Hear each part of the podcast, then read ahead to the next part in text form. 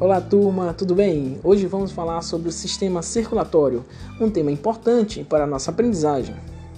Fique ligado em cada detalhe, pois esse tema ajudará você a responder o questionário por seguinte. Vamos lá agora começar sobre o tema sistema circulatório. O sistema circulatório garante o transporte do sangue rico em oxigênio e muitos nutrientes para o corpo humano.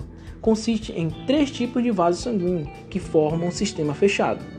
Fique ligado, quais são esses três tipos? Primeiro, a artéria, segundo, as veias e terceiro, os capilares.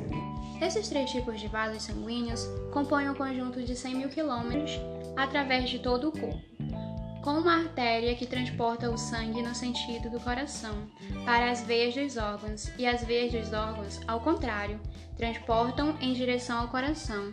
A artéria é, portanto, um vaso que sai do coração e a veia é um vaso chegando ao coração.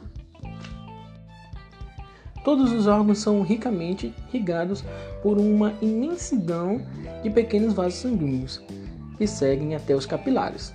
Esses capilares são interligados em todos os órgãos.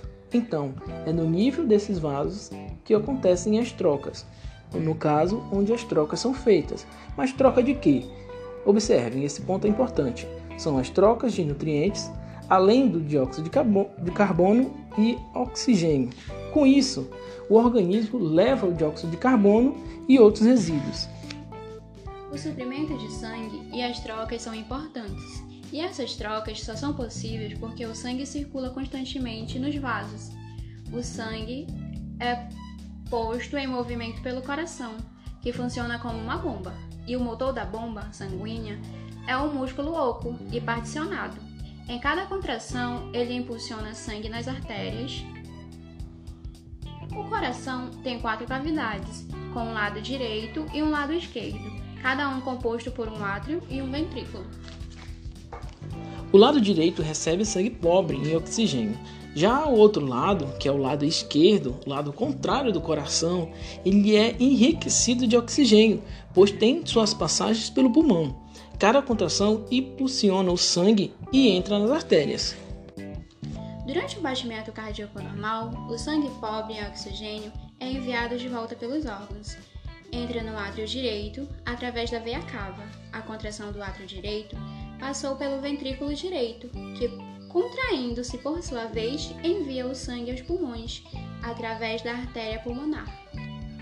Após sua passagem nos capilares dos alvéolos pulmonares, o sangue é enriquecido com oxigênio e se livrou de seu dióxido de carbono então ele retorna ao átrio esquerdo deixado pela veia pulmonar. A contração do átrio esquerdo cresce no ventrículo esquerdo e impulsiona o sangue na aorta para ser distribuído nas artérias de todo o corpo. Esse é um ciclo de vida para todo o corpo do ser humano e isso se repete infinitamente. É isso aí, turma. É isso que acontece todos os dias dentro do nosso corpo. Esperamos que vocês tenham entendido e até a próxima!